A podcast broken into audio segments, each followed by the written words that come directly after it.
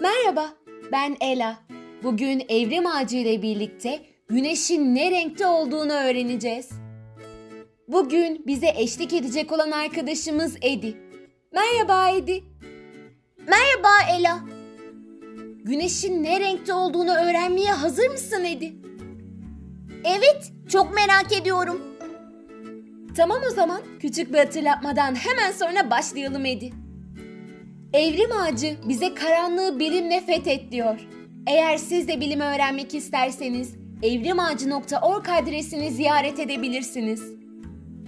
Ayrıca yazar Çağrı Mert Bakırcı'ya ve fotoğrafçı Mehmet Ergün'e teşekkür ediyoruz.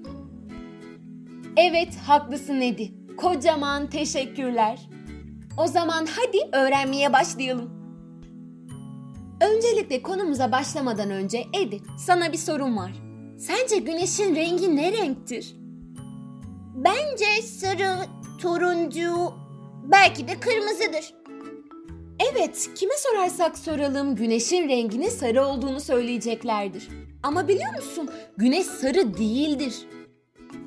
Değil midir? Ama ama sarı renkte görüyorum ben onu. Aslında eğer ki uzaya çıkıp kör olmadan güneşe doğrudan bakacak olsaydık renginin sarı değil beyaz olduğunu görürdük. Tabii bunu gidip de çıplak gözle kontrol etmeye kalkmayın. Çünkü çok kısa süreliğine bile güneşe doğrudan bakmak gözlerinize zarar verebilir. Evet bizim olduğumuz yerden yani dünyadan baktığımızda güneş genellikle sarı veya turuncu gözükmektedir. Ancak bu güneşin gerçek renginin sarı olduğu anlamına gelmez. Çünkü biz güneşi adeta bir filtre arkasından görmekteyiz. Bir dakika sen filtre mi dedin? Yani biz güneşe filtreyle mi bakıyoruz? Evet Edi aynen öyle. O filtrenin adı atmosfer. Atmosferde daha kısa dalga boyuna sahip renkler yani yeşil, mavi ve mor gibi renkler dağılır. Geriye kalansa sarı, turuncu ve kırmızı gibi renklerdir. Bu nedenle güneş bu renklerde gözüküyor. Yani güneşten saçılan ışık beyazdır. Bu ışınlar atmosfere girdiğinde farklı miktarda kırılır, dağılır ve saçılır. Burada ilginç bir ek bilgi verelim. Güneşten görülebilir olan spektrumun tamamına hatta ötesine yayılan dalga boylarından ışık saçılır. Bunlar bir araya gelerek beyaz rengi oluştururlar.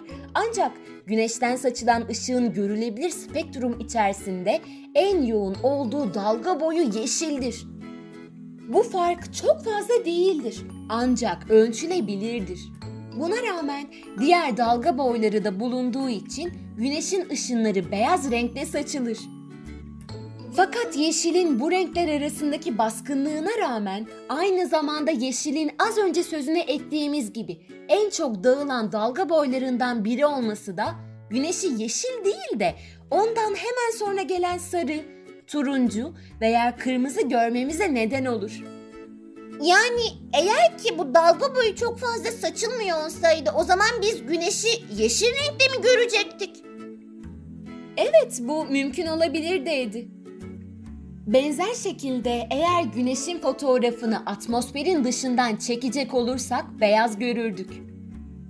Ancak atmosferin altından çekilen fotoğraflarda örneğin ülkemizin en önde gelen astrofotoğrafçılarından Mehmet Ergür'ün çektiği fotoğraflarda güneş sarı gözükmektedir. Ancak unutmamak gerekiyor ki bunların hiçbiri güneşin asıl renginin beyaz olduğu gerçeğini değiştiremez. Vay be! Doğrusunu söylemem gerekirse güneş ne renktedir diye başladığımızda ben genel olarak sarı üzerinden gideriz diye düşünüyordum. Hiç beyaz rengi de olduğunu düşünmemiştim. Yine bir sürü şey öğrenmiş olduk değil mi Edi? Tüm bu bilgiler için Evrim Ağacı'na kocaman teşekkür ediyoruz. Evet haklısın.